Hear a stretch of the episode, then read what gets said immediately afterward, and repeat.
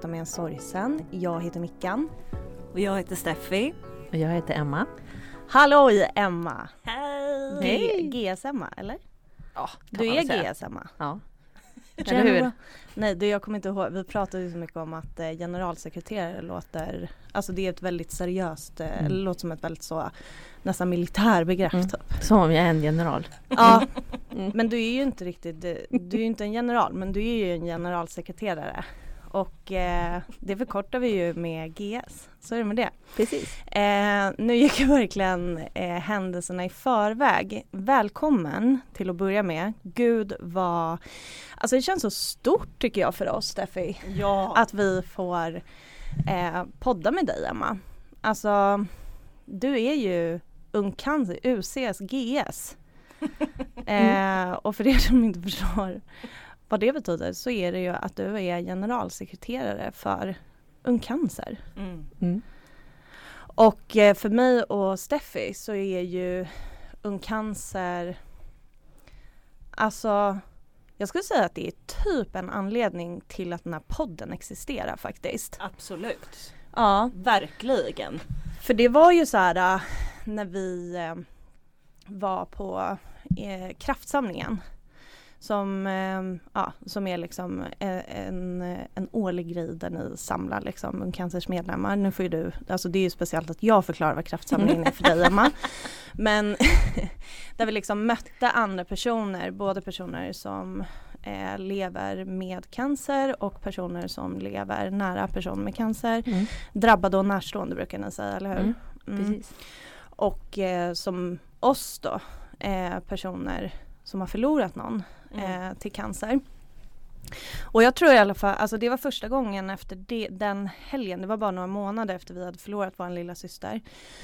Eh, som vi bara, och jävlar vad dåliga folk är på att prata med Mm. oss. För att när vi kom Mm. in i det sammanhanget och man bara tog bort det här lagret av typ hur man är mot varandra Mm. och bara gick rakt på sak. Så känner man ju hur givande och viktigt det Mm. är. Mm. Så att ehm, ja, och ni har ju bara varit med oss hela tiden. Vill Ja. du säga något? Ja men jag skulle, alltså jag skulle nog säga att eh, eh, det sammanhanget har, alltså just den kraftsamlingen har verkligen varit som en så här Eh, typ jättebetydelsefull händelse just i så här processen av att äga sin sorg eh, och förstå eh, liksom att den behöver få ta plats. Eh, ja. Men alltså Emma, nu eh, istället för att jag ska prata om dig så kan ju du få prata om, om dig. Ehm, du är generalsekreterare för Ung Cancer. Vad är, vad är Ung Cancer? Jag tänker att alla våra lyssnare kanske inte har hört om det. Och vad innebär det att liksom vara generalsekreterare för Ung Cancer? Ja precis. Det låter ju som sagt som en general. Men det är det inte. Ehm, nej men ni har väl fångat det ganska bra ändå. I alla fall själva kärnan har ni beskrivit väldigt bra. Det här forumet där man får vara, bara vara Mm. och få vara i det man är. Mm. Ehm, och det är ju det som är det fina. Mm.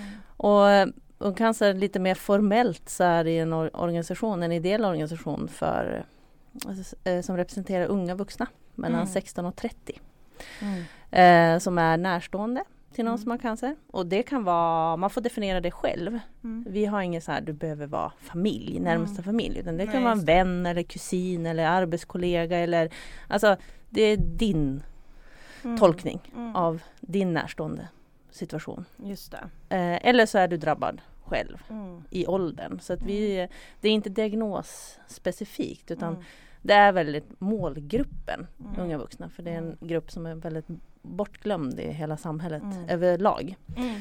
Mhm. Och organisationen startade ju genom att en tjej som heter Julia fick tjocktarmscancer när hon var 21. Mm. Och eh, då lades hon på avdelningar med 65-åriga män. För det är vad som är vanligast när man Mm, får tjocktarmscancer. Och i Mm. det forumet kände hon sig extremt utsatt och väldigt ensam. Och hennes bästa kompis Hanna var ju Mm. närstående till henne Mm. och kunde inte heller hitta Mm. så här, vart passar jag in här? Mm. Eh, det gjorde hon ju inte. Så att eh, där började, det var grunden. Mm. Så gick de hem och googlade på ung Mm. cancer, hittade Mm. inget. Mm. inget. Nej. Nätet var tomt på det. För det blir liksom, det är på något sätt så här att det, det finns cancer och så finns det barncancer typ. Eller är det liksom att det eller jag tolkar det som Mm. du säger på det sättet att det är så här, det är den här gruppen, just den här åldern som där man liksom inte pratar om kanske de specifika utmaningar som kommer med att vara både drabbad eller närstående. Um, alltså jag bara, eller jag tänker själv typ så här den eh, våran syster, de kunde ju aldrig exakt fastställa vilken cancer det var hon hade. Eh, men att det var en gynekologisk cancer. Och det var ju ett väldigt kort förlopp men de trodde ju ändå att det var äggstockscancer. Ehm, och där var det ju liksom jag minns det och vi har pratat om det i podden också för det var typ så här under tiden hon var sjuk så var vi typ hemma hos henne någon gång och så började vi så prata. Och så liksom pratade vi bara som vi gjorde typ vi tre och vi började säga ja ah, men tänk när man har så barn typ och bla bla bla bla. Och det liksom blev att hon blev ju så här jätteledsen Mm. för att eh, hon hade ju liksom fått sagt till sig att så här eh, typ chansen att du kommer ha dina äggstockar kvar och typ kunna bära ett barn är typ helt omöjlig Mm. liksom. Mm. Är det, alltså jag kan tänka mig, alltså utifrån det, att det kanske är så här en, en helt en helt annan typ av samtal man behöver ha när man har den typen av utmaningar än när man är ja, men ett barn eller när man kanske redan har barn Mm. och är en gammal eller en vuxen liksom på ett Mm. annat sätt eller vad man ska säga. Mm. Så det är ju är så jävla konstigt. Alltså, det är så konstigt att det här inte har funnits förut Emma. Ja. Jag känner det för att när du berättar om det här med eh, liksom hur hela Ung Cancer startades, jag minns ju det, det är ju inte så länge sedan. Alltså Nej, när var var det? När, när var det?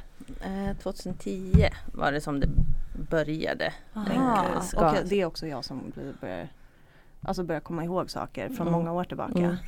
Men, men annars än i organisationsvärlden är det ju väldigt eh, ungt. Verkligen. Men eh, det är som du säger, alltså, alltså vården och Mm. samhället Mm. är uppbyggt efter barncancer, Mm. vuxencancer. Mm. Just det. Det finns barn i vården, det finns vuxna i vården. Mm.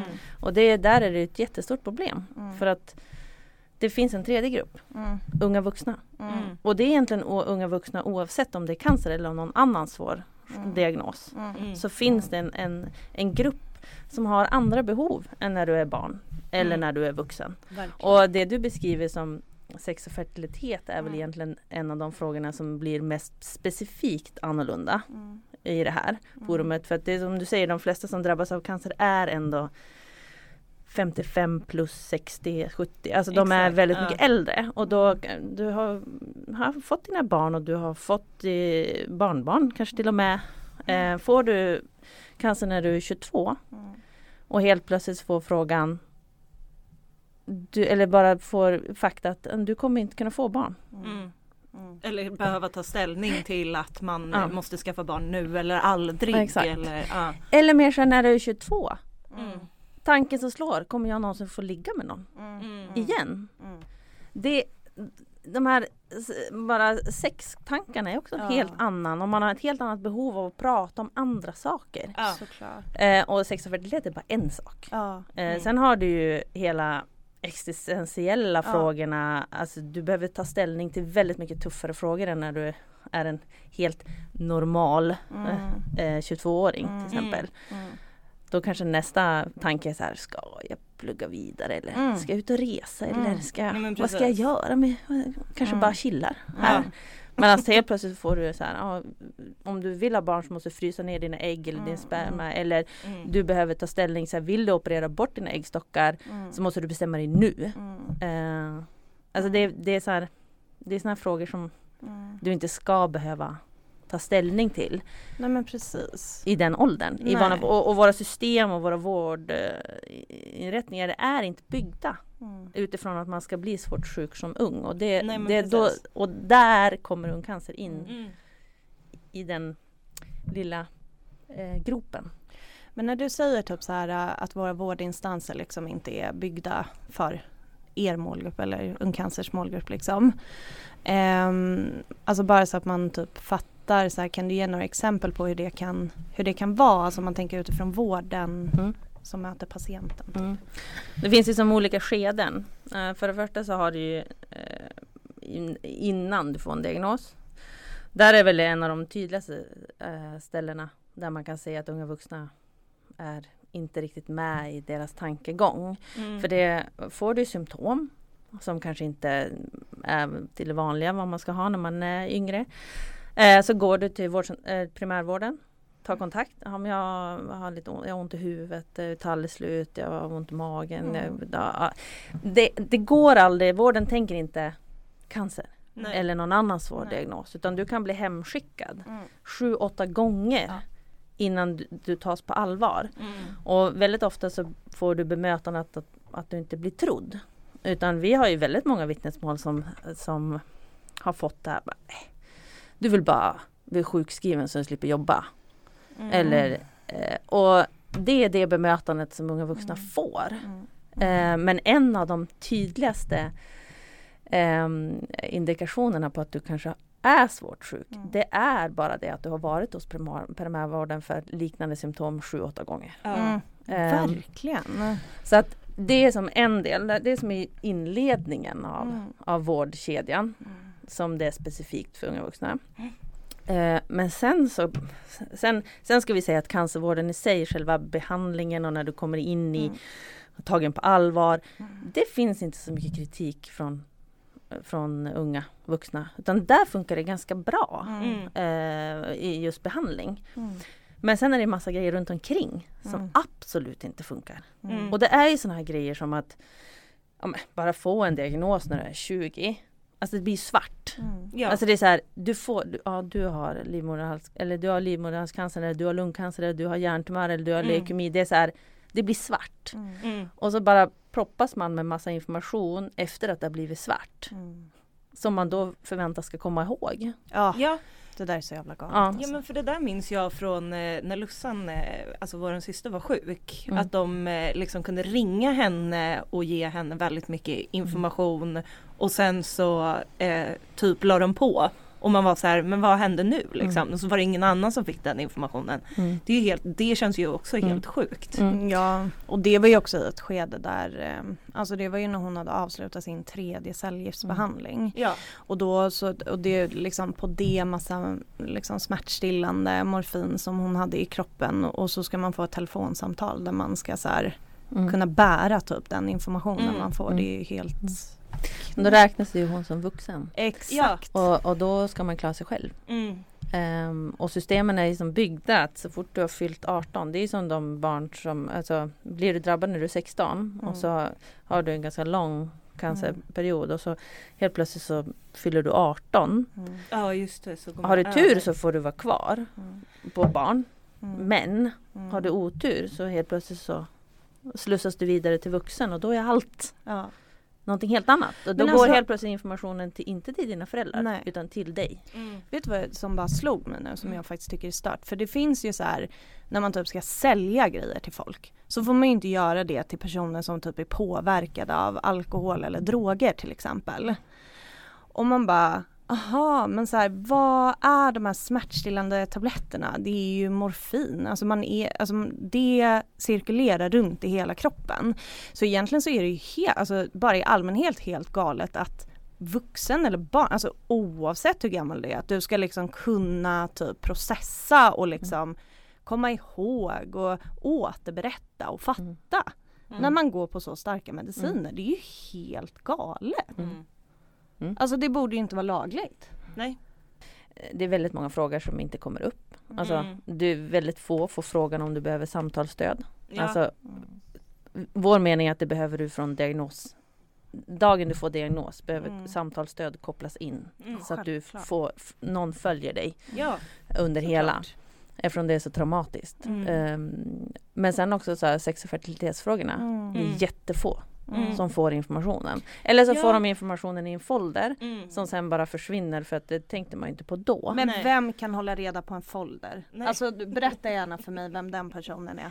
Nej men för det här tyckte jag var, eh, alltså eh, det här var saker som slog mig när jag var med, jag var med på ett seminarium som ni hade med Ung Cancer som just handlade om eh, sex och fertilitet eh, för cancerdrabbade. Eh, Och eh, att det var just att man pratade om det när att så här, det var ing, man fick, det var en person som inte hade fått någon information överhuvudtaget. Eh, och sen försökte upp det själv och eh, läkaren blev så obekväm. Hon Mm. tyckte att det var så jobbigt att prata om. Mm. Så att hon, hon sa i typ ingenting och bara så här, nej men det där, det där Mm. får du kolla upp själv typ. Ja, men det är ju samma problem som skolan har med Ja, sexualundervisningen. Det är ju, helt sjukt. den hålls ju av personer som inte är utbildade i Nej. det.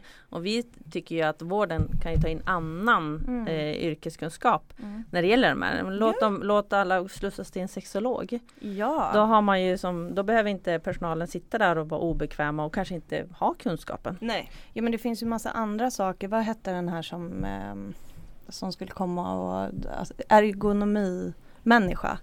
Vad hette den? Fysioterapeut Fysioterapeuten. Det är ju en annan specialkunskap Ja, som man fick precis. tillgång till att det var så här, ja men eh, för våran syster hade det svårt liksom hitta bekvämt eh, så, så var det så här, ja men då skulle den här personen Mm. komma. Eh, sen så var det tyvärr inte alls så jättebra. Men det är en annan fråga. Men att jag menar det finns ju. Så på något sätt så måste man bara börja. Eller så här, Mm. det, och sexologer finns ju också Mm. uppenbarligen. Så att ehm, ja, det där känns ju helt galet. Men det som också slår mig när du pratar om så här, sex och fertilitet som jag blir lite nyfiken på. För att min eh, fördom är att eh, absolut sex kopplat till fertilitet, att det finns någon form av så samtal om det.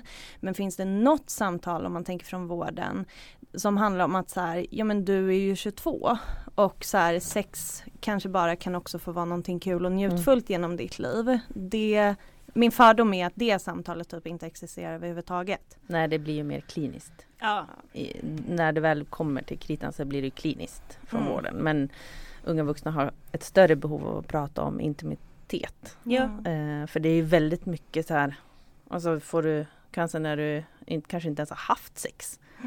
Alltså bara alla Ja, de men ja, Ja, men- tankarna som kommer, så här, kommer det är nog jobbigt första gången Mm. att våga och så har man kanske R eller Mm. andra eh, saker som också ska snurra Mm. inför en sån grej eller så här, kommer jag någonsin kunna få upp den om jag har haft testikelcancer som Mm. kille. Alltså det, finns, det är så mycket Mm. som man behöver, behöver få hjälp att bearbeta. Ja men det är väl klart, alltså folk har väl kroppsångest som det är från Ja. början Ja, liksom. precis. och så ska man lägga på typ så både fysiska och eh, kanske liksom psykiska komplikationer efter att man har varit sjuk liksom.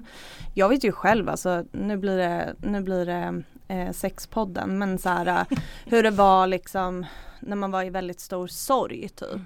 Eh, för jag är ju i en relation sedan väldigt långt tillbaka och att jag kände så här, men gud alltså jag kommer aldrig vilja ligga någonsin i hela mitt liv igen Mm. liksom. Och där finns det ju, alltså nu kunde vi mellan oss ha väldigt bra samtal. Vi gick ju igenom sorgen, alltså för, samma förlust eller vad man ska säga.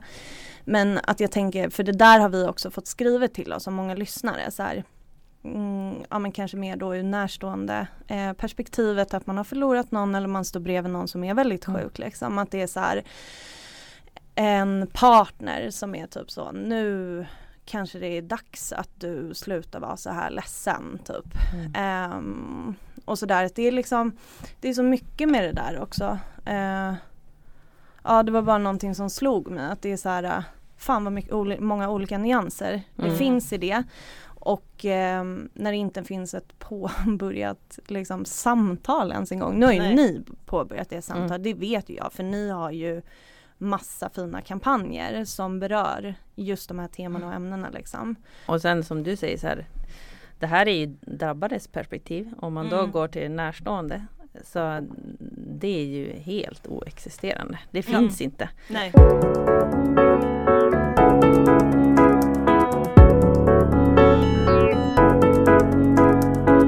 Där det funkar som bäst, där får man ju faktiskt frågan om som närstående om man vill prata med någon. Mm. Och, och det är ju så det ska funka. Man ska ju också bli erbjuden stöd.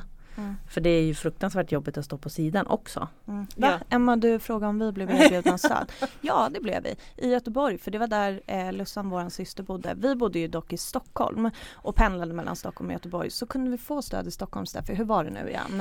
Eh, nej men nej, nej vi kunde ju inte det. Nej, nej, för vi bor ju inte i ett land som Nej. heter Sverige Mm. utan vi bor ju i olika regioner som heter Mm. Stockholm, Göteborg, Malmö och så vidare. Ja, den diskussionen har vi inte tid att ta. Nej. Den här 20, Nej. 21 regioner. Men Nej. det är en annan- det är en annan podd. Ja. Det är en annan podd. Det är sjukt. Det är också den här podden ibland Emma, för det är inte första gången vi pratar om det här. Brinner varje gång jag tänker på det. Mm. Men eh, jag funderar bara lite så här, eh, hur, eh, eh, hur många medlemmar har ni? Ni har massa medlemmar, hur Mm. många typ? Alltså man ska ju säga att vi har som inget eh, vi jobbar inte för att få in fler medlemmar för vi har, vi har inga, det är ju gratis att vara med. Mm. För det är viktigt, det ska vara Mm. så tillgängligt som möjligt. Så Japp. Det är gratis att vara medlem och sen allting man har tillgång till är, också kostnadsfritt.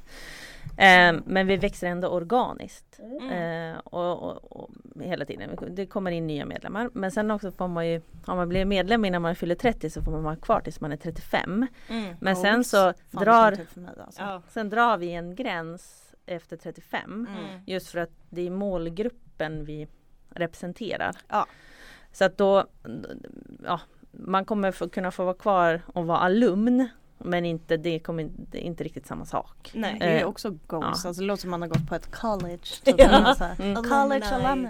Men det är mer bara för att kunna alumni. hålla, hålla alltså statistik och kunna Ja, hålla ja. det som, kunna gå till politiker och beslutsfattare och så här. Nu har vi gjort det här rapporten eller den här undersökningen eller vad det nu är Mm. och kunna så här, så här, verkligen visa på att den här målgruppen har de här behoven Ja. och det här är viktigt. Ja. Ehm, så det är därför. Gud Makes alltså. sense. Alltså makes so much sense men det måste vara så svårt. Ja det är jättesvårt. Att hålla Speciellt, sig till. ja det är faktiskt fruktansvärt de Mm. gångerna man behöver säga nej Ja. till de som har fyllt Ja. 31 till exempel. Mm. Det är, nej det är inte kul. Och Nej. gud, alltså jag är så här, vet du när jag blev medlem Nej det var i och för sig kanske tidigare. Nej men Det alltså var det året var, du fyllde 30. Ja det var året jag fyllde Mm. 30. Ja. Du hann. Jag hann. Mm. Men jag ser fram emot dagen jag fyller eh, 35 och ska trycka en tröja där det står UC alumni.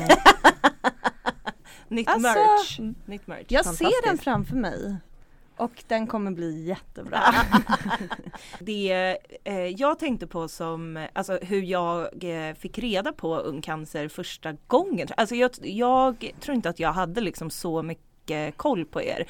Men jag minns att eh, Lussan eh, sökte upp er när hon var sjuk.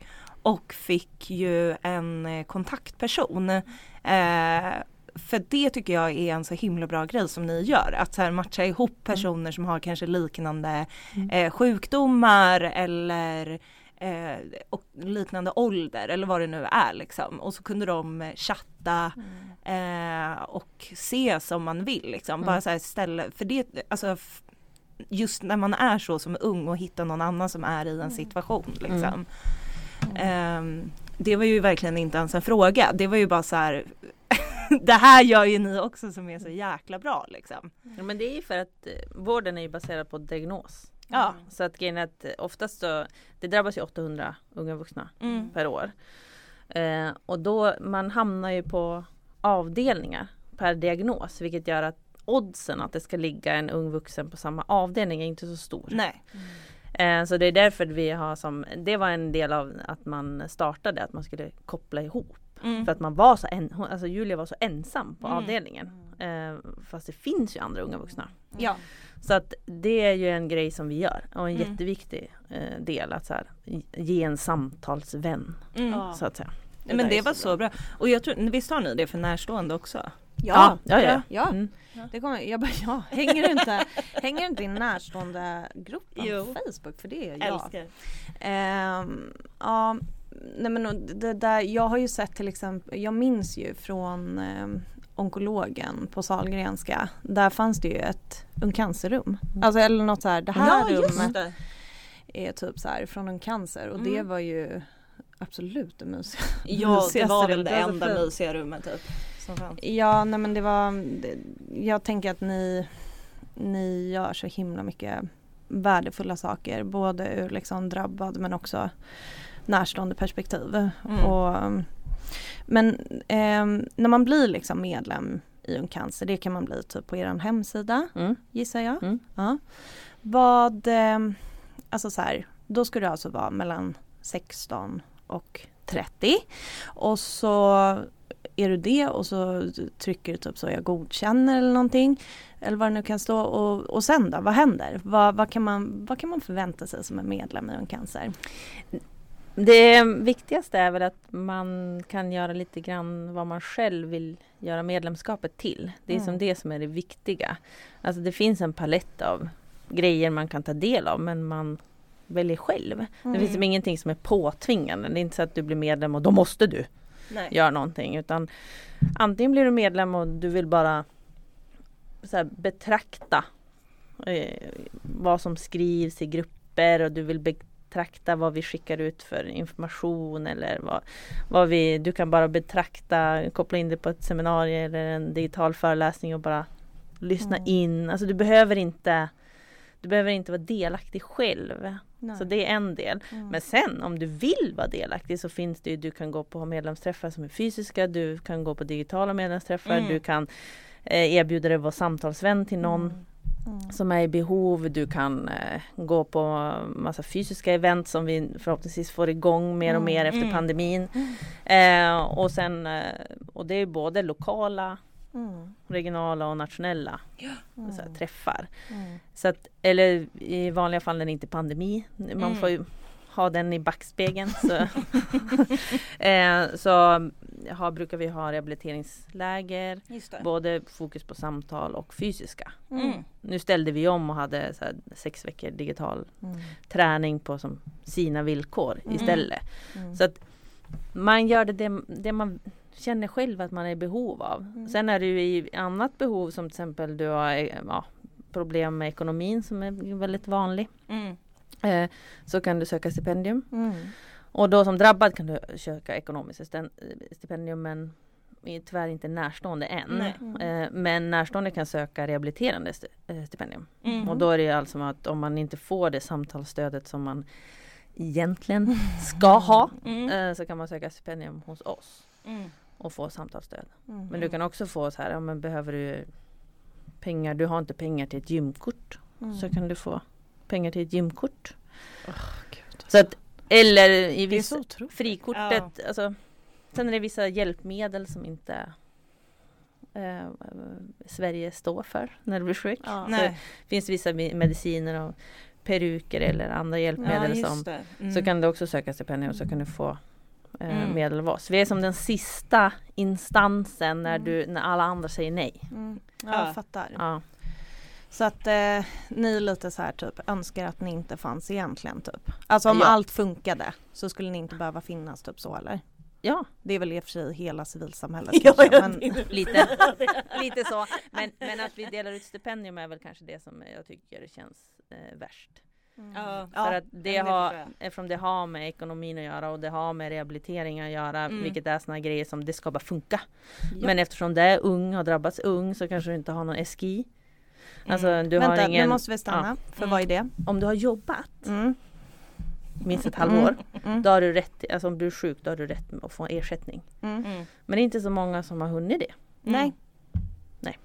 Och då, då får du inga pengar. Nej. Eller då får du lägsta nivå och det är ju inte mycket pengar. Det är, Nej. ingen som kan, det är ingen som kan klara sig på det. Nej. Nej. Och då eh, och, och det är ju helt sjukt och det, vi har ju försökt att förändra det och det är väl en av de svåraste grejerna att förändra just det systemet för Ja. det är så etablerat och så fastställt Mm. i Sverige. Allt är upp- uppbyggt på att du ska ha ett jobb. Mm. Åh, gud ja. Allt. Ja, ja, prestationssamhälle. Mm. Men eh, ehm, vad intressant att du började prata om ekonomi. Ehm, jag försöker göra en övergång här som blir snygg till att vi eh, frågade ju faktiskt om du ville podda med oss eller ni liksom en cancer för att ehm, ja nu kommer jag inte ihåg exakt när ni lanserade den här kampanjen men det var ju där då ehm, ja strunt samma, det kan Februari. ju du, ja februari. Eh, det kan ju du också få berätta. Men eh, en eh, kampanj som eh, riktade sig till Försäkringskassan. Försäkringskassan är en hjärtefråga för mig och för dig Ja, gud ja. Alltså vi har brunnit, vi har gråtit, vi har eh, skrikit, vi har läst andras historier, vi har brunnit för andra och så vidare. Mm. Och ehm, därför så kände vi bara så här, okej, they're doing it. De gör exakt det vi vill Mm. att alla egentligen skulle göra. Mm. Ehm, så liksom eh, Ung Cancers eh, Försäkringskassan-kampanj. Jag tänker att vi, eh, vi borde prata lite om den.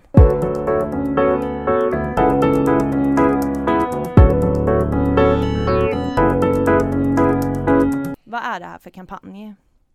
Ja men den bottnar i en, en ytterligare del Mm. som är ett problem när man är ung vuxen. Vi var inne på det, att ofta så har man ju inte någon inkomst när man blir svårt sjuk som ung. För att Mm. du, systemet är inte byggt som sagt för att du ska bli sjuk som ung. Nej. Eh, och, men grejen är den att, och det här har ju varit en fråga länge som vi har jobbat mot. Och vi har ju, som för, vi har ju suttit med beslutsfattare förut och försökt så beskriva som att det är ett problem. Vad gör ni med den här gruppen som inte har rätt till den här ersättningen? De hamnar ju i kläm. Mm. Och när hela du säger tiden. beslutsfattare, menar du typ så här politiker? Ja. Eller? ja. Framförallt politiker, socialministern, socialförsäkringsministern, Mm, de som mm. har det yttersta ansvaret Mm. för de här för Försäkringskassan. Ja just det. Eh, men det kan också vara Försäkringskassan själva Mm. som vi har suttit med men ja, de kommer ju ändå så pass långt som politikerna beslutar. Mm. Mm. Eh, men så tänkte vi så här Vi får ju inte riktigt dem att lyssna. Mm. Riktigt fullt ut. Mm. Så vad gör vi? Jo, vi gör det vi är bäst på. Mm. Vi samlade Mm. våra medlemmars egna berättelser. Mm. Så då gick vi bara ut och frågade Hej, är det någon som vill dela sin berättelse om Försäkringskassan? Mm. ja. ja, Det rullade det, in det eller? rullade in Mm. kan man Alltså säga. jag kan säga att jag ville dela min historia men jag glömde och sen Mm. missade jag deadlinen. Mm. Så det var tråkigt men nu Mm. kommer den snart. Ja. Mm. Exakt. Ja, så det var, vi samlade in 100 berättelser. Vi tänkte 100 är bra. Ja. Det är en bra summa. Vi hade kunnat fortsätta. Men Ja. någonstans man bara Det är sluta. snyggt också. Ja. Eh, och då, eh, vi visste ju vad vi skulle få för berättelser. Mm. Vi visste att det skulle vara så här illa. Mm. Eh, men det vi såg var framförallt att eh, visst att lagar och regler, det är som det är. Mm. Det är en sak. Och det Mm. vet alla, att det är krångligt. Det är väldigt krångliga regler om ingen fattar någonting. Det Mm. vet vi. Men det som blev så extremt tydligt var att Försäkringskassans bemötande Mm. är faktiskt det största problemet. Mm. För att de flesta vittnade om att bemötandet gjorde dem mer sjuk. Ja. Oavsett om du är drabbad eller närstående. För att har, alltså, eh, har Försäkringskassan någon, alltså får de någon utbildning i så här de här, nej, Nej. inte det. Nej. Eh, för det tänker jag ju dels är ett väldigt stort problem liksom. Mm. Nej men eh, de får ingen utbildning i hur det är att vara svårt sjuk Nej. i cancer eller svårt sjuk I generellt typ. Ja. och vara ung. Mm. Och att det som blir som så eh, frustrerande också i det här är att, ja, men som vi pratade om det innan vi började Mm. podda, att det är också politikers signaler Mm. som sänds ut. Mm. Ja. Du har ena sidan, Mm. högra sidan, Ja. som matar i oss att alla fuskar. Mm. Fusk och fusk, vi måste komma åt fuskarna, vi måste komma åt fuskarna. Vi gör allt vi kan för att komma åt de som fuskar. För det är fruktansvärt. Eh, och där, i, de, i de, den delen så kommer ju alla i kläm. Mm. De som inte fuskar som ändå är flest. Mm. De kommer i kläm. Sen har du som vi har pratat med Vi har pratat med politikerna om det här att just deras signaler är eh, Alltså det är försvårande och det är ett stort problem. Mm. För att vi fick ju Det blev en ramaskri i våra kanaler när till exempel Mm. våran socialminister som gudskelov har klarat sin Mm. cancer gick ut och sa att jag inte varit, jag har inte varit sjukskriven en enda dag under min Mm. behandling. Mm. Våra kanaler var, alltså det var verkligen, folk var förbannade. Mm. Ja. Alltså riktigt förbannade och provocerade. Och så här, vadå förväntas jag att jobba när jag knappt tar mig ur sängen och bara ligger och kräks? Ja men precis och vad som så här premier, vilket så här, vilken grej som premieras är då att trots att du har cancer så Ja. ska du banne mig fortfarande jobba. Ja det var bita ihop. Det, ja, men, och, och, Och det är de också här- sjukt. Ja. Och de här signalerna från pol- våra politiker som bestämmer över Försäkringskassan går ut och säger sådana här saker. Mm. Handläggarna, vad ska de gå på? Det är klart de går på signaler från beslutsfattare. Ja. Vilket gör att framförallt unga vuxna, som minns ni, primärvården, Mm. inte speciellt trodda. Det, blev, det blir ännu värre på Försäkringskassan. Alltså om man inte blir trodd när man söker en diagnos, försöka då få, bli, få ersättning för att du ja, har, har genomgått en cancerbaksmälla, alltså, en, alltså eftersviterna av en cancer. Ja. Det är, hela, det är nästan omöjligt att bli trodd. Mm. Och den stressen Mm. Eh, att hela tiden vara stressad över att kommer jag få pengar? Ja. Kommer jag få pengar? Kommer, kan jag betala hyran? Eller Ja. måste jag låna? Eller måste jag flytta hem till mina föräldrar? Eller alltså vad? Om man för har föräldrar. Ja men Ja, precis. så här- exakt. Ja, men, liksom- Jag tänker också att det blir just det du nämner med så här cancerbaksmällan att det också är någonting som eh, människor vet liksom inte tillräckligt om hur jobbigt det är efter man har genomgått en cancerbehandling. Finns inte den eh, kunskapen om vad cancerbaksmällan är så förväntas du också bara eh, vara tacksam för att du har överlevt och så här, det är väl klart att du ska tillbaka till jobbet. Du Mm. lever ju, det är ju bara, nu kan du Mm. gå tillbaka liksom till Mm. ditt vanliga liv. Ja, men jag tänker också så här, äh, alltså om Alltså det som blir så här cancerbaksmällan, om man ska säga i vårt fall som Mm. så här närstående och att man faktiskt förlorar sin eh, person som man älskar. Att det är ju liksom Ja, i vårt fall så är det en typ av cancerbaksmälla för det är kopplat till cancer men det kan vi kanske ska kalla det mer för typ så sorgbaksmällan eller Mm. någonting sånt där man liksom Ehm, där man dels då har sett den här personen brytas ner fullkomligt av den här fruktansvärda sjukdomen. Och sen så är man kvar och man lämnas med massa frågor som bara så här, varför är jag kvar, varför är inte hon kvar? Eh, typ så här nu, och man också för att det finns massa så konstiga föreställningar om att så här, men jag är ju kvar, då ska jag ta vara på mitt liv, då ska Mm. jag tillbaka och jag tänker också så mycket eh, utifrån det du sa med så här, ja men de eh, vill åt eh, fuskarna och en liksom minister ska ut och prestera liksom mitt i pågående behandling eller eh, så. Att i grund och botten så handlar det också om att så här, du är fan inte värd någonting om du inte kan prestera. Om du inte kan ge, liksom, om du inte Alltså så här, det spelar ingen roll ifall du är eh, jättesjuk. Eh, kan du inte liksom prestera, eh, då är du typ inte värd. Utan det, det är någonting som så här också, tänk, jag, för, för jag tänker så här personer som inte har en cancererfarenhet som hör jag har inte tagit en enda sjukdag. Min fördom är, då tänker jag då att det är så här, då tänker man så här, gud vad starkt, vad Mm.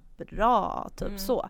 Och då blir det helt plötsligt, då ligger det någon slags värdering i Mm. att Mm. göra eller att inte göra det. Mm. När det också är högst individuellt vad man orkar och så vidare. Att det är Ja. så här, men det är alltid någon så här uh, based on typ att du ska vara så ja men arbetsför, alltså du Ja. duger typ Mm. inte om du Ja, men inte det är ju samma sak som när, alltså, så här, när man pratar om eh, alltså, så här, hur snacket går om cancer när man säger att man vinner eller förlorar kampen. Liksom. Mm. Det, är, det är ju så här, samma samma grej, man bara jaha okej man var inte tillräckligt stark då om man dog på grund av sin cancer. Mm. Alltså, så här, vad, vad, fan, vad fan är det? det? Allt det här bidrar ju liksom till Mm. bilden av att man ska vara så Mm. jävla stark hela tiden. Mm, ja. Och de flesta är inte så starka. Ja, Alltså, Nej, vi möter klart. ju verkligheten. Mm. Och verkligheten är inte att jag har bitit ihop Nej, och gått och jobbat nej, och fortsatt träna nej. och fortsatt leva mitt liv till max. Utan det är att jag ligger i sängen, Mm. kräks, tar mig kanske till toaletten själv, måste lägga mig ner igen Mm. av ett toalettbesök och sova. Mm. Alltså det är som verkligheten Mm. när du Mm. genomgår en cancerbehandling. Men sen cancerbaksmällan är egentligen än mer viktigt Mm. att prata om. För den är som du säger, den, den drabbar både drabbade och närstående. Mm. För det är ett, det är ett trauma Mm. som kroppen genomgår på olika sätt. Mm. Och när man då får den här äh, beskedet, ja men du är cancerfri, Mm. vi släpper dig nu. Mm. Då kommer ju allting ikapp. Mm. Dels så har du förmodligen, oftast, men Mm. av din behandling. Mm. Fysiska men Mm. som du då ska börja ta tag i. Och som man kanske inte ens har tänkt på Mm. under behandling. Det är väldigt många som får problem med sina slemhinnor. Mm. Och det säger, pratar man inte om. Nej. Det är ingen som nämner det och det kan vara ett väldigt Alltså Stort att man problem. blir typ torr. Ja, ont, Slem- det gör ont. ont. Ja. Eh, och det är bara ett exempel. Ja. Men sen också den här tröttheten. Ja. Alltså Mm. hjärntröttheten Ja, efter en behandling eller Mm. Den pratar inte heller någon om. Nej. För den har folk väldigt svårt att förstå. Ja. Att så här, ja men vadå du var ju jättepigg när vi sågs. Ja men sen låg jag en, Mm. ett dygn efter det mötet för Ja. det var det jag orkade. Mm, precis. Och man glömmer bort att berätta Mm. det där vad som hände sen. Mm. Så att säga. Men Och- det är och- så svårt för folk att ha två tankar i huvudet samtidigt också. Att Men det det är just så här, men du- var ju så. Man bara, jo Ja. men jag kan vara flera saker. Ja men det är just det, det är mest det men du ska vara glad. Mm. Du klarar det ju. Oh my god. Mm. Alltså den är ju väldigt provocerande för då får man ju också Såklart. skuld Ja. Mm. i att så här, men jag mår ju sämre Mm. nu Mm. än vad jag gjorde när jag hade kvar min cancer i Mm. kroppen. Och den skulden är väldigt jobbig att bära för det gör ju, det, det är därför man inte vågar berätta hur Mm. man mår. Eh, för man vill som inte störa. Och Nej, därför är det ju än viktigare att man får hjälp att bearbeta. ja. Och det är ju en annan brist. Man får ju inte den hjälpen. Men också att man känner att man har rätt. För att alltså så här, jag tänker när man är sjuk och genomgår en behandling så finns det ju alltså så här, eh, det finns ju ändå så här målet att man gör det för att bli frisk Mm. och att det kanske är ens liksom main focus. Mm. Man hinner ju inte, man hinner inte i det kanske också bearbeta så här, jaha nu har jag fått den här Mm. diagnosen, det är en dödlig sjukdom, Mm. alltså så här, bara det är ju extremt. Det är väl klart att det kommer i kappen. Mm. Och jag tänker som det har varit så här för mig och Mickan att här, när, när man också så här först går igenom hela den här sjukdomsperioden och sen så förlorar man eh, personen. Då hamnar man ju direkt i en sorgbearbetning. Att så här eh, att bearbeta att hon inte finns längre. Mm. Det är liksom the main Mm. eh, grejen som man måste fokusera på.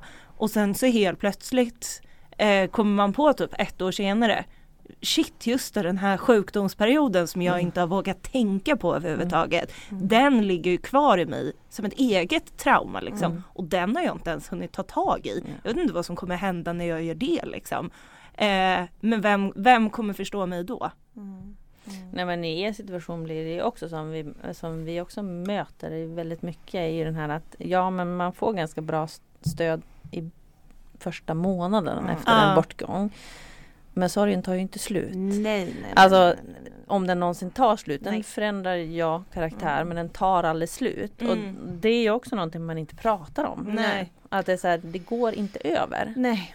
Och vi brukar liksom i den här podden så vi, brukar vi prata om att så här Nej men sorgen blir för, alltså det, det finns, man kan inte prata om den i termer som att den blir bättre. Alltså det är så här, man kan inte använda Nej. det ordet överhuvudtaget. Nej. Men att det är så här, och sorgen blir heller inte mindre. Sen så lever man ju ett liv där så här, trots att den här sorgen existerar så händer det andra bra saker. Mm. Man kanske träffar eh, fina personer. Man, alltså Mm. det händer andra saker som också är ens liv. Mm. Och samtidigt som alla de sakerna pågår så har man också den här stora Mm. sorgen. Den har inte, alltså jag kan inte säga att min sorg har blivit mindre. Nej. Men tid går Mm. och det blir på ett annat sätt för att man fyller sin hjärna eller sin själ eller hjärta med olika Mm. saker varje dag. Mm. Men det där är så här, äh, åh gud jag blir så trött Mm. Mm. Men det, för då eh, det som jag funderar på liksom i, eh, var för att gå tillbaka till den här kampanjen typ, när ni samlar in de här historierna. Mm. Vad är det, för du säger så här, ja men det är framförallt bemötandet som har varit så eh, grejen. Vad, vad, vad är det för bemötande som, som det vittnas om då? Men det är dels att man inte blir trodd. Mm. Alltså det spelar ingen roll att du har ett läkarintyg. Så blir du inte trodd. Utan du får bli ändå nekad. Mm. Det är en del. Men sen också bemötandet i att så här, ja, du är redan i chock. Av kanske en diagnos eller din, när, din närmaste har en diagnos. Alltså du sätts som i en chockartad situation. Och sen är man ung vuxen också. Så här, alltså hur mycket lär man sig i skolan om Försäkringskassan, Nej, vården, ingenting. Alltså det är, ganska, det är ganska mycket du ska Mm. helt plötsligt kastas in i och, och Mm. bara förstå. Mm. Och, så, och man har ju knappt koll på sig själv. Nej. Eh, och så ska du ha, ha koll på dig själv i Mm. hela det här traumat. Och, och så får du en person som inte tror dig. Mm. Alltså när du säger så här, men jag, jag tar mig inte upp ur sängen. Jag kan inte jobba, det går inte. Mm. Och så finns det, i, du blir inte bemött så här, men gud. Okej. Ja, det- man vill ju helst ha någon som bara tar en i handen och bara Lugn. Jag, kommer, Mm. jag kommer hjälpa dig igenom det här. Mm. Jag ska förklara allting och vi vet att det är krångligt att förstå. Mm. Mm. Det är som lite som egentligen behövs Mm. i bemötande. Alltså verkligen. För det handlar ju inte om att så här, alla förstår ju att vi har lagar och regler som vi måste förhålla oss till. Annars skulle det ju kaosa ordentligt. Mm. Men att få någon som kan få ett nej och känna som ett ja. Mm. Alltså att man får en vettig förklaring till varför man får nej. Ja men precis. Som man förstår och inte är grekiska. Utan det är verkligen så här, ja, okej, jag, det känns ändå surt men jag fattar. Mm. Eh, men, och att man blir lite ledd igenom Mm. Alla den här, alltså det är ju en djungel av Gud, ja. begrepp. Nej, nej. Alltså- Nej men snälla den där hemsidan. Alltså. Nej, alltså den behöver Oh my God. en köpa. Jag, kom, alltså, jag minns när jag skulle eh, söka från eh, Försäkringskassan första gången. Alltså jag eh, höll på att bryta ihop så många gånger. För det är så mycket uppgifter som ska in. Det är så mycket som man så här, jag vet inte ens vad det här är för någonting. Eh, hur många timmar jobbar du på ett år? Jag har väl ingen jävla aning. Eh, typ så här, får du de här 10 Alltså det, det är så mycket liksom. Men som, snälla, alltså bara frågan vad tjänar du per år? Va? Ska jag veta det? Alltså jag kan ju inte räkna. Men det är liksom, ja det kanske är det absolut minsta problemet. skulle tro. Men det jag kommer ihåg att jag fastnade på den så länge att jag bara Hur fan ska jag veta det? Typ. Jag bara före eller efter skatt, hur ska jag tänka? Jag har ingen aning. Nej. För att, men jag tänker också så här, när man är i ett state of mind Mm. eh, Om vi tänker då utifrån psykisk ohälsa där jag var Alltså de här små sakerna blir väldigt väldigt stora då också. Ja. Och då återigen typ så här. Mm, ja men om man är fysiskt eller psykiskt sjuk, alltså man är ju nedsatt Mm. utifrån sitt normalläge Mm. på något sätt liksom. Mm. Och så ska man så här göra alla de där grejerna. Och jag kommer liksom ihåg att eh, först när jag eh, typ sjukskrev mig så, ja men jag hade fyllt i fel liksom på jättemånga olika ställen. Och då är det ju så här, det handlar ju lite om tur eller otur typ vem som råkar se Mm. en så ansökan. Och då var det så här en jättetrevlig person som ringde upp och var så hej Typ, eh, ja det här verkar inte stämma typ så för att jag hade väl fyllt i något jättekonstigt. Alltså det var Mm. typ så här Eh, ska du vara, alltså jag kommer inte ihåg om det var typ så här, ska du vara sjukskriven 50% eller jobbar du, alltså ja, I don't remember. Men det var siffror som hade skakats om och fel. Men eh, sen då när det var tillrättat så var det typ så här den här första handläggaren, för det här är ju också en grej. Alltså hur många olika handläggare kan man ha under ett års tid? Mm. Förstår du? Hur ska du veta min historia Mm. som är eh, det senaste året om det är första gången du ser, alltså så här, varje gång ett beslut ska tas, men då är det någon ny stackars människa som sitter och tittar och jag tänker att vi ska understryka det, att det är så här Nej, om det är någon av er som lyssnar som jobbar på Försäkringskassan, det är inte er det är fel på, det är liksom systemet, Ja, grund och botten. Mm. För jag vet ju också när ni gick ut med den kampanjen att det var folk som var så Sluta hejta på Försäkringskassan, alltså så här, nej vi hejtar inte på någon människa, ingen enskild individ utan det, här, det är ett systemfel. Mm. Verkligen, Ehm. det ska vi inte betona nog. Nej men precis, men sen, ja men på tal om bemötande då så fick jag verkligen så här, äh, handläggare nummer ett ifrågasatte äh, allt som hade med min sjukskrivning att göra. Som, eh, för att det, det är också det här, jag hade inte riktigt lärt mig hur man pratar med Försäkringskassan då. Nej. För att det lär man ju sig, man förstår ju Mm. precis vilka begrepp man ska använda efter Vilket ett är tag. lite sjukt i sig. Det är, Det är så stört. Utan jag var ju typ så här, ja men så här, jag förlorade min eh, syster och eh, typ så här, jag ehm, jag har mått jättedåligt och jag sover ingenting och eh, jag gråter hela tiden och, och bla bla. Ja men eh, hon gick ju bort för eh, ett år sedan. Ja men det, alltså så här, det liksom började där och så Mm. fortsatte med att bara säga ifrån, aha men men det är ju normalt att gråta när man är i sorg. Ja fast nu gråter ju jag. alltså hela, det finns inget stopp och det finns heller inget stopp på i vilket sammanhang det Mm. händer för att det är så här, är det ett jobbmöte? Ja det kanske det är. Är det på tunnelbanan? Ja definitivt. Alltså överallt, du vet Mm. så här, det är inte på en normal nivå. Och sen så har man ju också haft de här handläggarna som är typ så, man hör att de vill göra allt. Mm. Men de är liksom fast i sina, Mm. alltså där. Mm. För den har jag verkligen haft. För jag, det, jag har ju också suttit och skrikit när jag har fått liksom avslag då någon gång. Så jag fick göra en överklagan. Då hade jag en jättegullig handläggare som jag satt och pratade med. Jag var typ så här. Hur är det möjligt att ni sitter och gör en bedömning som inte har någon läkarutbildning medan min läkare säger bla bla bla. Alltså typ så. Och han var ju bara så här. Ja, ja, alltså man hörde, Mm. han bara, jag ville liksom säga vi löser det här typ. Men det där är ju så jävla sjukt Mm. också. Att det är men sen så har jag fått höra att typ Försäkringskassan har egna läkare som gör olika bedömningar. Men sen så har jag också hört att det inte är personer med någon läkarutbildning som gör bedömningar på olika grejer.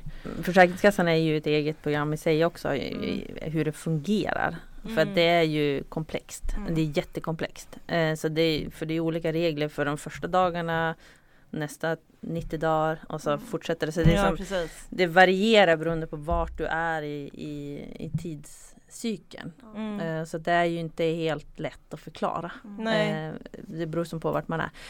Men, eh, men, det, men problemet är ju inte det utan det är ju fortfarande så här vi kan inte betona nog att det är fortfarande, man kan faktiskt bemöta en människa i det svåra Mm. på ett bra sätt. Även fast Ja. man inte kan ge det, rätt, det svaret man egentligen vill ha. Mm. Och det är väl det vi har haft. Vi har haft jättemycket bra diskussioner med Försäkringskassan nu när vi har suttit med dem. Mm.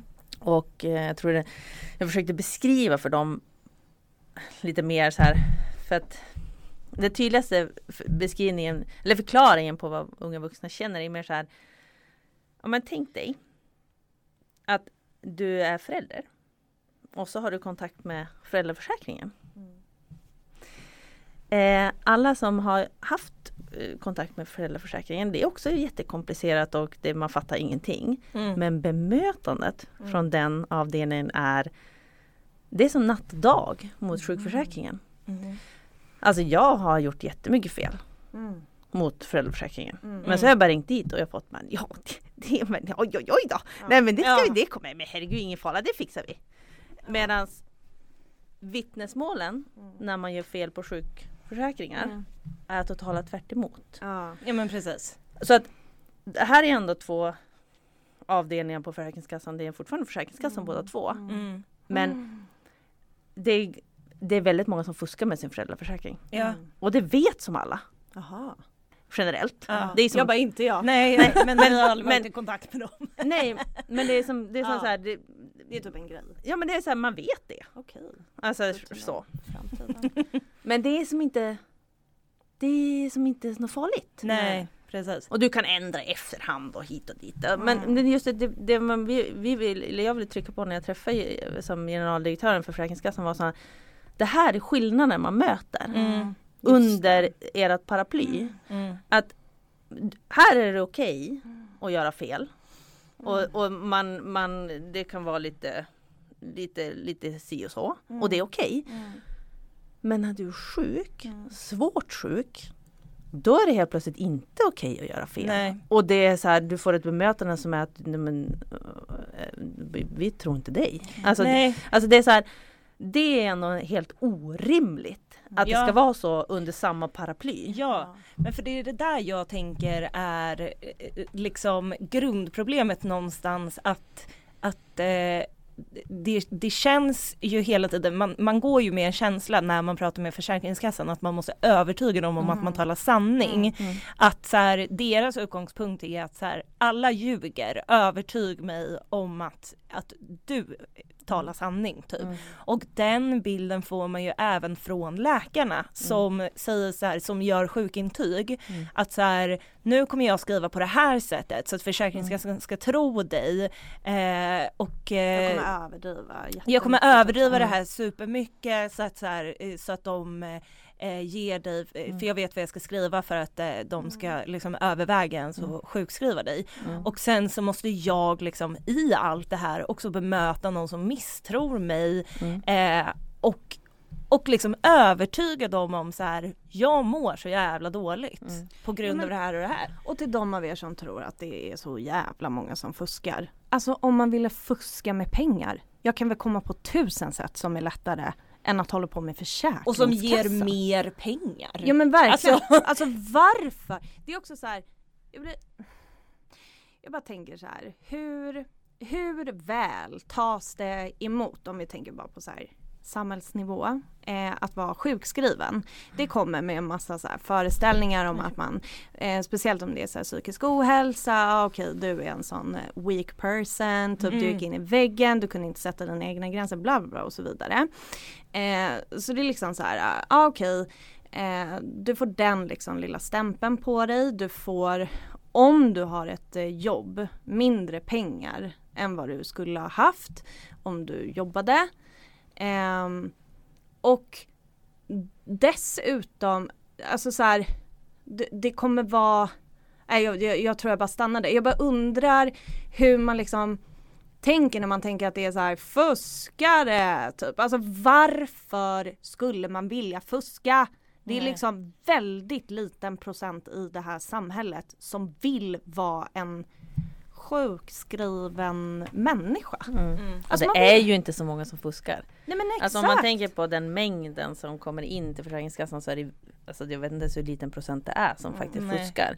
Men de drabbar ju alla andra för du vet, det är de media Ja, lyfter upp och så äh, helt plötsligt så, så ser det ut som att det är jättemånga som fuskar när det Ja. inte är det. För att vi vet ju, alltså de vi möter och vi möter ju hundratusentals unga vuxna. Mm. De vill inget annat än Nej. ta sig tillbaka till studier och ta sig tillbaka till jobb och Nej. ta sig tillbaka till sitt liv. Ja. För att alla sina, alla sina ens kompisar har sprungit iväg Mm. och, och gör det man vill göra. Ja, man vill exakt. inte ligga där Nej. och, och knappt ta sig upp. Nej. Alltså det finns ingen, vi har, vi har inte träffat någon. Och så det blir så absurt då att då få den här äh, misstron. Ja, men också så här de timmarna man lägger ner för att kämpa med Försäkringskassan. Alltså, jag skulle aldrig orkat lägga dem om jag verkligen inte behövde. För att jag önskar inget mer än att aldrig behöva vara i kontakt med Försäkringskassan igen. Men vad fan ska man göra när det är liksom det enda man, man har? Alltså Mm. det är ju det enda alternativet som finns. Mm. Men eh, jag tänkte på en annan sak. Eh, för att vi har pratat om det några gånger i podden just hur sorg ses på inom Försäkringskassan. Och eh, eftersom det är inte klassat som en sjukdom och det ska inte heller vara klassat som en sjukdom för det är ju inte det. Men att man därför inte är ersättningsberättigad på grund av sorg. Alltså Mm. hur har de samtalen gått liksom med Försäkringskassan? Kopplat till den här rapporten. Och de är ju svår. Mm. Eh, för det är ju en tolkningsfråga. Men vi har ju förmedlat Alltså Vi ser det ju som att alltså utmattningssymptom och Mm. utmattnings När man blir totalt utmattad Mm. Det liknar ju lite grann Mm. sorg. Mm. När man verkligen är i sorg. Mm. Mm.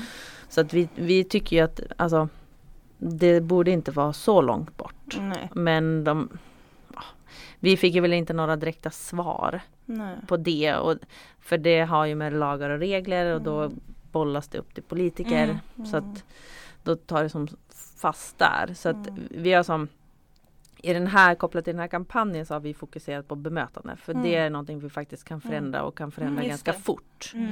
Medan alla lagar och regler Mm. och sånt Mm. det är ju ett längre, det är en mycket, mycket längre process. Men Ja, gud, såklart. Ja. Alltså jag tänker att det, det är skitbra så som, alltså ett jättebra ställe att börja på. Mm. Det med bemötande. Mm. Lite som du var inne på, alltså jag kan bli chockad över hur lätt det är att bemöta en person. Mm. Alltså och det blir ett bra Mm. möte. Mm. Eh, jag kan också bli chockad över hur dåliga vi är. Alltså i allmänhet på att Mm. här, möta varandra och framförallt i jobbiga situationer. Liksom. Ehm, så jag tänker att det är ett skitbra ställe att börja på. Sen så är det ju absolut så här, lagar och regler och eh, det behövs ju, alltså Försäkringskassan behöver väl pengar. Alltså den är väl helt nedmonterad. Alltså den finns väl knappt längre. Eller är det a-kassan eller Arbetsförmedlingen? alltså det är alla med, jag, jag kan inte hålla reda på dem. Jag, Jag vet alla bara, skulle säkert säga att de har för lite pengar men ja. Ja men det, det, alltså jag tror typ ändå, det är väl typ inte, de har väl inte så jättemycket resurser typ. eller Deras så. största utmaning är just alltså lagarna och reglerna. Ja. De är inte så flexibla Mm. och en människas liv är ju inte eh, svart eller vitt. Nej. Utan det finns ju bara gråzon och Ja. då, då lagar och regler är ju inte riktigt så att du kan Nej. töja utan Mm. det är ju väldigt svart eller vitt. Mm. Tänk om man bara kunde säga en sån sak, alltså Mm. som handläggare. Att Mm. så här, eh, bara förklara liksom det utgångsläget på Mm. något sätt. Att man skulle få en så mycket större Mm. så här, förståelse till varför de säger saker. Som, alltså det är så lite som Ja, men- krävs. Också en så här, vi, vi hade en bra dialog med dem eh, senast här för några veckor sedan och deras förklaring är att deras utgångspunkt är att de, de bedömer egentligen bara hur arbetsför du är. Mm. Mm. Inte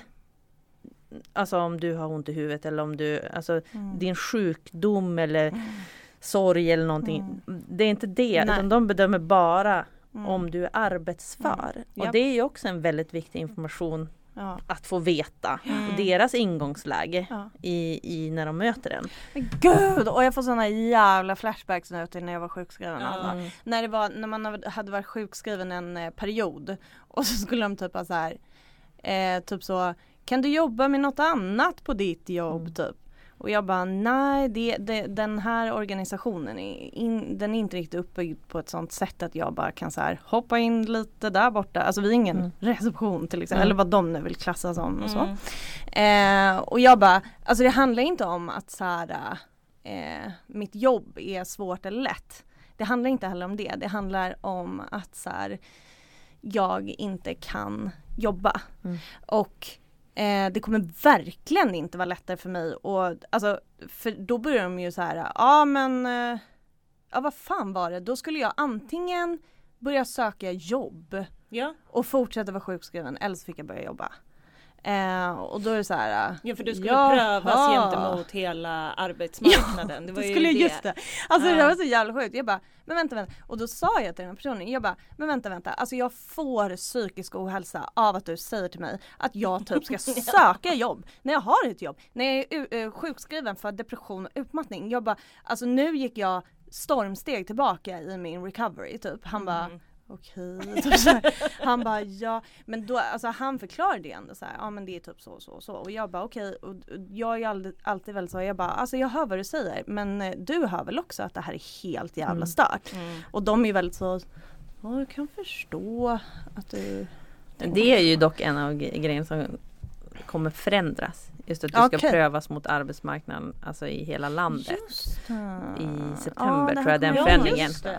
Mm. Så det, det, det, det sker ju förändringar Mm, på mm, la, mm, lagarna och mm. reglerna också. Men, men grejen är den att det får bli fortfarande upp till bevis. För det Mm. är fortfarande en bedömnings en bedömning Mm. som ska göras. Mm.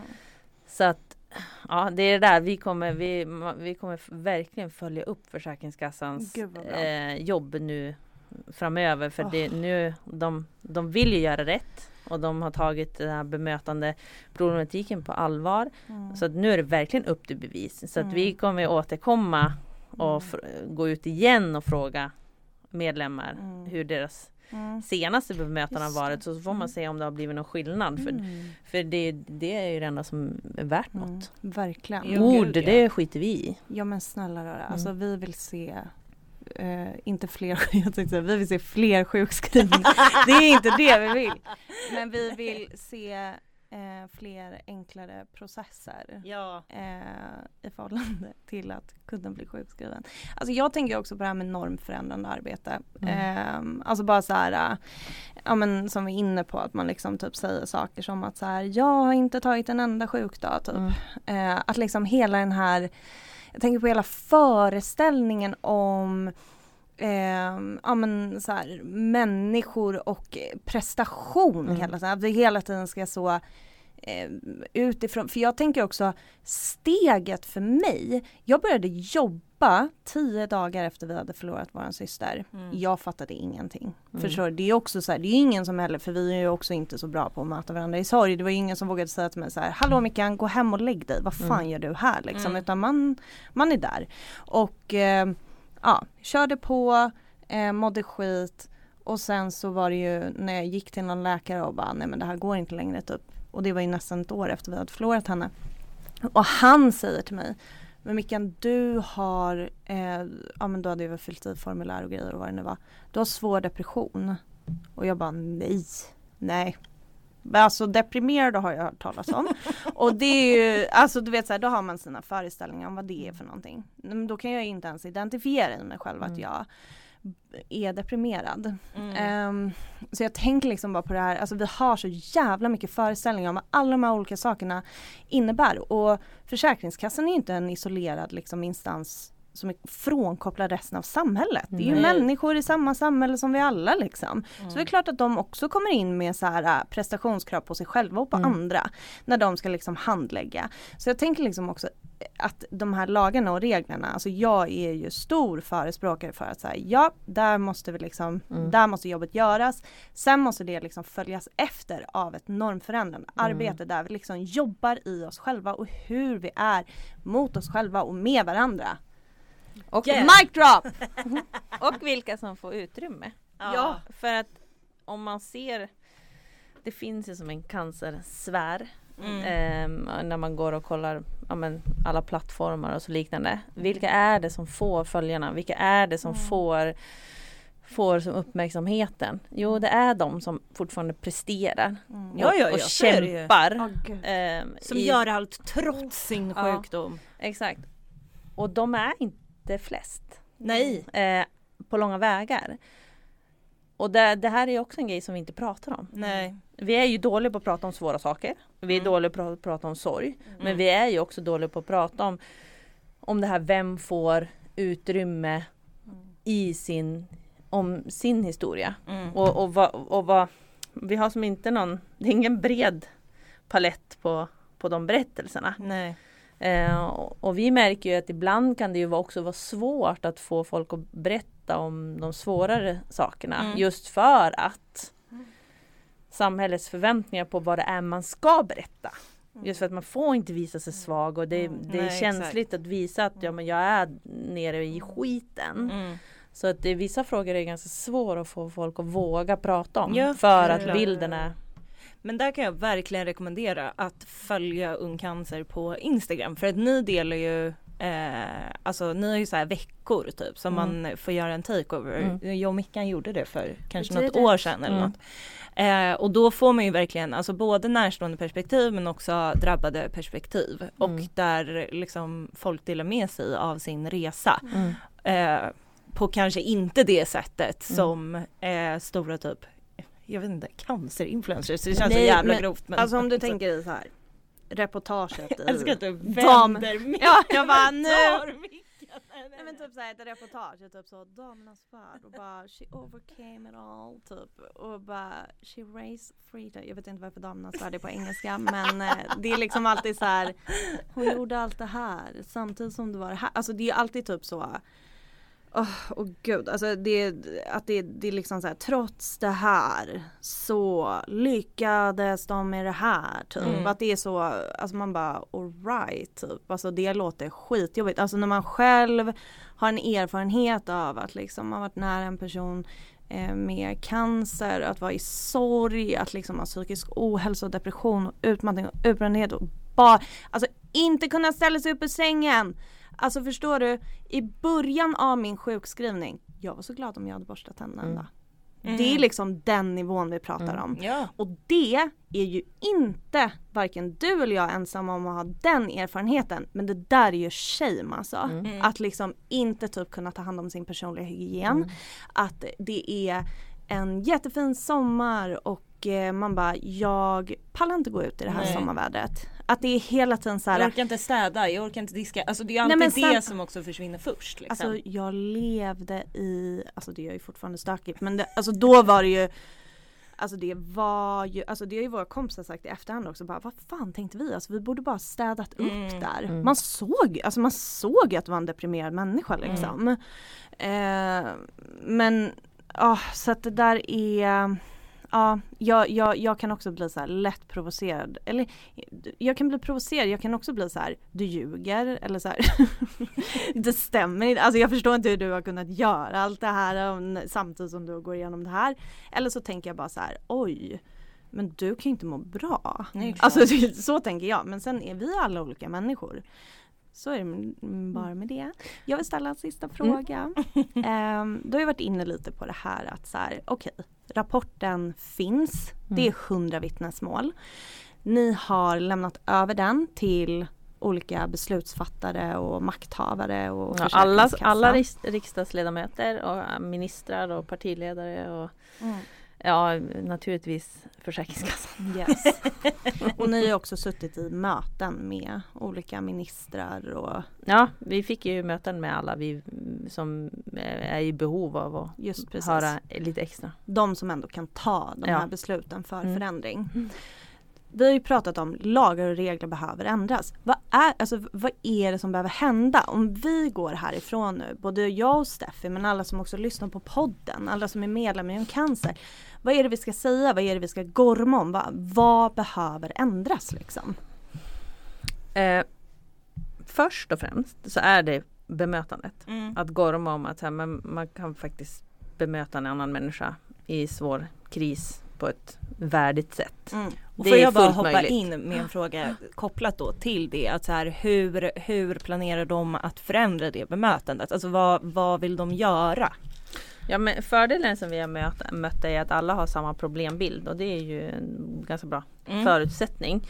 Att alla är enade om att ja, men det här är ett problem mm. och att uh, Försäkringskassan har en, ett, ett krav på, på så att det här ska förändras. Mm. mm. Så att det här kommer ju vara väldigt intressant att följa hur de nu ska organisera om sin stora koloss. Mm. Att, att, för det är det också, det är en utmaning och, och, det är väldigt många tusentals anställda som ska ändra sina processer. Och, mm. Så det får vi väl förståelse för men, men det handlar ju främ, främst om att Får, för vi säger så här, får man koll på bemötandet så att en, en människa känner sig trygg i att, um, i att ha ett samtal med Försäkringskassan och känner sig att man, den här stressen som man känner nu, att den bara försvinner. Mm. Det kommer göra att mycket annat kommer att bara lösa sig. För att väldigt mycket för unga vuxna, framförallt unga vuxna, är ju att man inte förstår. Mm. Nej, för precis. att det är så det är svårt, alltså det är, ja, skitsvårt. Det är För det första är språket något ingen, uh, fatt, ingen nej, fattar. Nej. Det är bara ingen fattar. Nej.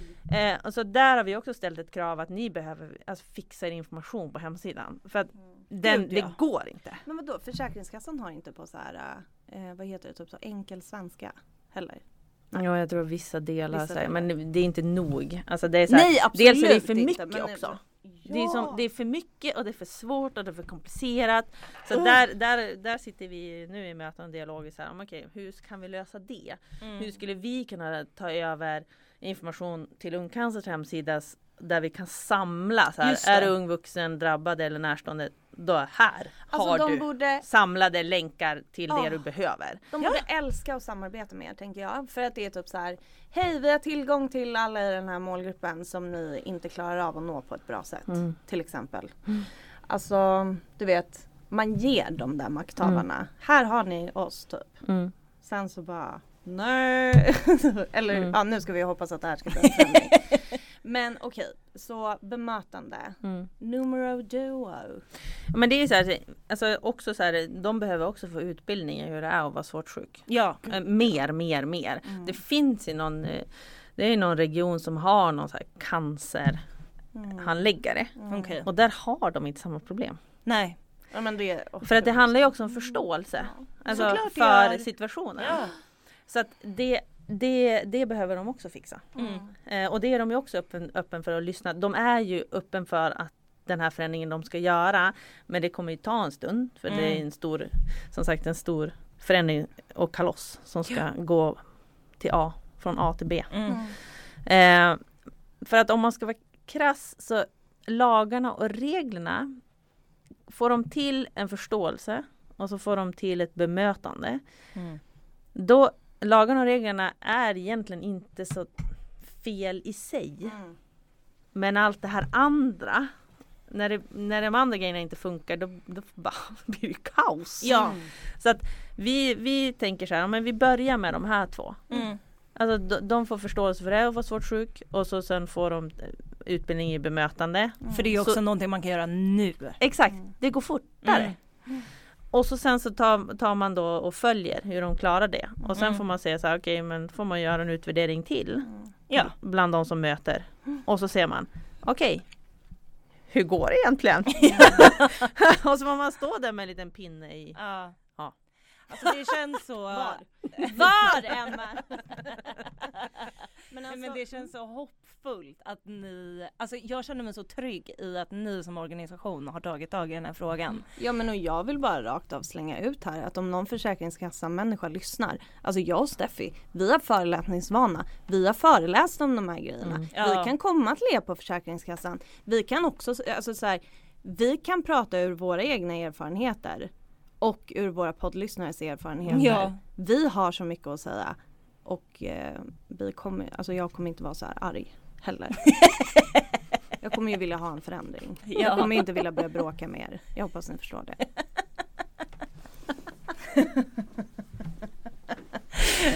Boom!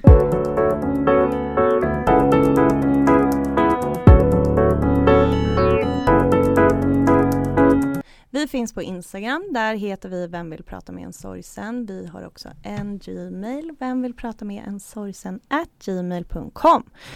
Och Emma Ungcancer finns ju också på Instagram. Mm. Och vad heter ni? bara Ung- heter Ungcancer? Ja, i- ungcancer. Det är bara att söka på ungcancer så hittar Mm, man ja. oss på alla Ja. plattformar. Ni är också en jättebra hemsida.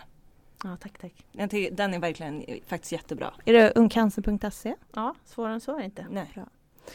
Vi avslutar ju alltid den här podden med att eh, skåla för Lussan. Eh, det är liksom en eh, tradition som vi har. Och, Vilken ära. Eh, mm, Mm. Det ska vi göra även här idag. Steffi, vill du liksom hur ska vi göra den här skålen idag? Men eh, jag tänker att vi ska, idag ska vi skåla för, eh, vi ska skåla för Lussan. Men sen så vill jag fan också skåla för alla som, som kämpar. Kämpar med den här jävla försäkringskassan och eh, med all annan skit. Ja. Mm. Och för en cancer. Och för ungcancer. Skål för allt det! Och för er. Skål! Skål!